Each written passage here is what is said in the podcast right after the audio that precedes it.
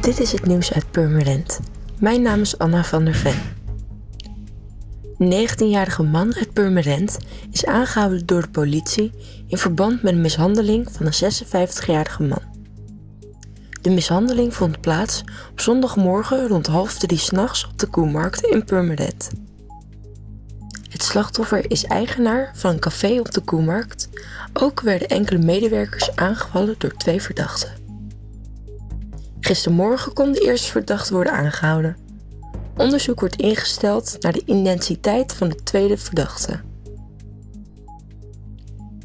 Een 27-jarige Purmerender moet voor 7 jaar de cel in en een schadevergoeding van 230.000 euro betalen.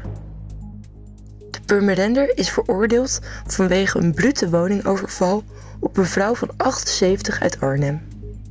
Tijdens het proces ontkende de man in het huis te zijn geweest, ondanks dat er bewijs van DNA was en de 78-jarige vrouw die hem voor 200% herkende. De rechtbank heeft hem een zwaardere straf gegeven dan gebruikelijk, omdat tegen de 78-jarige vrouw veel geweld gebruikt is. Gemeente Purmerend is in gesprek met Mul Projectontwikkeling BV om aan de Wagenweg hoogbouw te gaan plaatsen. Dit plan omvat 69 gemiddeld dure huurwoningen en sluit aan bij de Agenda Permanent 2040. Dat moet leiden tot 10.000 extra woningen in 2040. Iedereen mag dan zijn of haar mening geven over de ontwerpsbesluitingen. Als alles succesvol is afgerond, zal de omgevingsvergunning worden verleend door de burgemeester en wethouders.